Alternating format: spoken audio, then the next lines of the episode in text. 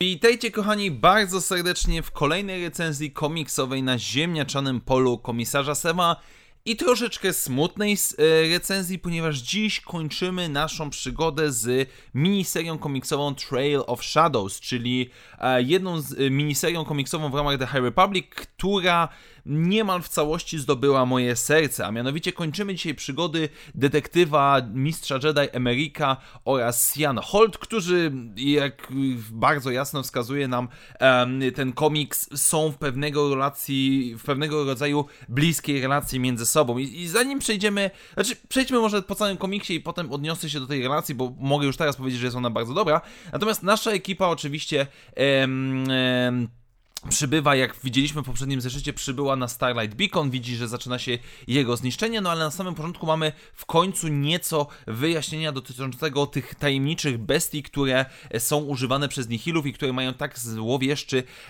wpływ na e, rycerzy Jedi. I tutaj oczywiście Utterson, dr Utterson wyjaśnia nam co nieco, przedstawia nam o co właściwie tak chodzi, że te zwierzęta nazywają Shrika Rey, czyli Eaters of the Force, em, niektórzy nazywają je Nameless, czyli bez bez nazwy e, w jakiś sposób, co jest również niezwykle ważne, z jednej strony mamy dużo nawiązań, z jednej strony mamy wspominkę, że tylko i wyłącznie można kontrolować te zwierzęta, jeżeli ma się artefakt, który składa się z dwóch elementów, a to wskazuje dosyć mocno na serię komiksową The High Republic, gdzie na samym początku ten wątek się nam pojawiał. Z drugiej strony e, Atterson przekazuje naszym bohaterom kawałek pergaminu, co w ogóle dla, dla ludzi jest szokiem, że ktoś ręcznie coś napisał, no tak wygląda świat Gwiezdnych Wojen, e, i jest wskazówka że staroży... dawny, dawny, z dawnych lat rycerz Jedi to napisał, więc możliwe, że to jest pewnego rodzaju nawiązanie do drugiej fazy The High Republic, która jak doskonale pamiętamy dzieje się 150 lat przed obecnymi wydarzeniami. No ale nasza ekipa oczywiście podąża na Starlight Beacon, postanawiają, że muszą e, za wszelką cenę e, spróbować pomóc i właśnie Emerick e, i Sian, którzy mają bardzo dobrą tą relację, znaczy się owszem, mimo wszystko będę troszeczkę marudził, że jakby rozumiem, że to jest pięć zeszytów, i przeszkadza mi trochę tego, że oni się po raz pierwszy spotykają w drugim zeszycie i w ciągu czterech zeszytów ta, ten, nawet nie miłość, tylko ta relacja, raczej bym powiedział, e, już tak bardzo się rozwinęła, ale no, no niestety, no niestety, niestety dostaliśmy miniserię komiksową, no i trzeba było ten wątek poprowadzić i tak jest on całkiem solidnie zrobiony i podoba mi się, że ich relacja to nie jest po prostu e, jesteśmy w sobie zakochani, tylko rzeczywiście oni coś do siebie czują, coś, co jeszcze jest niedopracowane i to jest kolejny wątek tego, kiedy rycerze Jedi w okresie The High Republic nie tyle stronią od emocji, co akceptują je w pewien bardziej otwarty sposób. No ale oczywiście nasza ekipa przybywa um, um, przybywa na e, Starlight Beacon, no i e, spotykamy e, Bucket of Blood oraz Querta, którzy pilnują małych, powiedzmy, padałanów, younglingów i próbują ich wydostać ze Starlight Beacon. Jest informacja, że niektórzy z młodych, utalentowanych rycerzy Jedi poświęcili swoje życie i nie wiem, czy tutaj będzie jakaś zapowiedź w stronę tego, co się działo z, większo- z częścią bohaterów The High Republic Adventures. Zobaczymy oczywiście, co to, jak to rozwinie się w, ta, w tej drugiej drugiej serii komiksowej. Natomiast nasza ekipa wyrusza w poszukiwanie czy też walkę z właśnie tymi stworami. I tutaj mamy konfrontację głównie Emerika, który zdaje sobie sprawę ze strachu, zdaje sobie sprawę, kiedy ma te wszystkie informacje, kiedy poukładał to sobie, jest przedstawiony jak on próbuje się z tym konfrontować i on jest świadom, że są halucynacje, wie, musi po prostu się przez to przebić. To jest naprawdę świetnie pokazane i w końcu mniej więcej pokaz- widzimy po raz pierwszy te stwory w pełni. Znaczy się widzimy e, jakieś powiedzmy 20 ich procent, ich e, pysk, e, pazury, ręce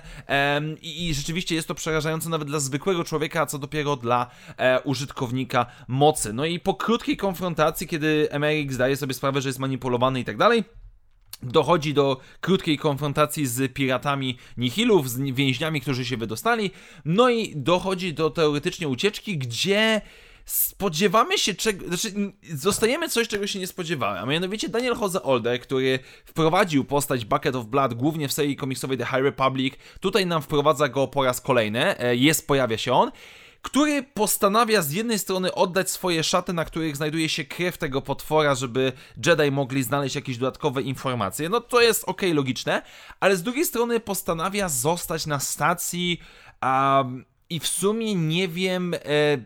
nie wiem od po co. E, niby teoretycznie przychodzą kolejni nihilowie i on chce ich powstrzymać, ale absolutnie nie rozumiem, bo statek jest gotowy do odlotu. Dosłownie wszyscy wsiadacie na pokład i odlatujecie. Um, I z jednej strony moment, kiedy Bucket of Blood, ten, ten taki niedurny, ale ten taki śmieszkowaty bohater, który był od samego początku The High Republic, którego ciężko było brać na poważnie, e, który w momencie finałowym jest na tyle poważny, czy zaakceptowany, pogodzony z tym wszystkim dookoła, jest czymś niezwykłym, ale z drugiej strony, no po co go zabijać? Jakby trochę mi to pachnie niestety tanią zagrywką emocjonalną. No i na samym końcu dostajemy Emeryka, który jakby analizuje to wszystko, e, który gdzieś tam mamy jego e, przemyślenia, analizy i totalnie nie wiem, jak twórcy chcą to rozwijać dalej, bo zakończenie tej serii komiksowej absolutnie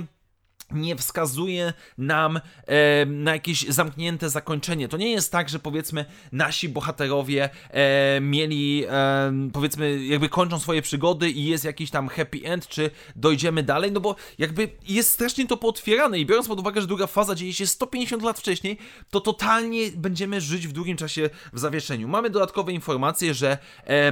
konwój, w którym podróżował Otterson w poprzednim komiksie, leciał na Starlight Beacon, żeby być drugą falą ataku, co łączy się z książką The Fallen Star. Mamy wspomniane, że będzie kolejny, e, kolejna fala, która e, będzie próbowała zaatakować niedobitków. No tego nie mamy w The Fallen Star, więc, więc może to w jakiejś innej książce, e, czy to w Midnight Horizon, czy może w serii komiksowej The High Republic Adventures będzie wyjaśnione. Zobaczymy. Generalnie rzecz ujmując, Cieszy mnie niezmiernie, że wydawnictwo Egmont pod koniec przyszłego roku wyda tą serię komiksową po polsku, bo jest ona warta naszej uwagi jak najbardziej. Przepraszam, musiałem zdjąć kota z biurka. Ze względu na te swoje noirowe, powiedziałbym, detektywistyczne wątki, dobrą relację między dwójką głównych bohaterów, całkiem przyzwoite rysunki, chociaż na pewno nie jest to poziom The High Republic. I generalnie dobrze napisaną postać Emeryka, który jest ciekawy, jest intrygujący, jest rycerzem Jedi, jest detektywem, ale też na końcu okazuje się po prostu być człowiekiem, więc cieszy mnie niezmiernie, ale jednocześnie smuci mnie fakt, że po raz ostatni spotykamy spotykamy się w ramach tej serii komiksowej. No nie oszukujmy się, pierwsza faza The High Republic dobiega końca, będzie to smutny okres, ale no cóż, musiało to prędzej czy później nastąpić. Tak więc dziękuję Wam bardzo serdecznie, moi drodzy, za dzisiejsze spotkanie. Do zobaczenia wkrótce w następnych materiałach i jak zawsze, niech moc będzie z Wami. Na razie, cześć!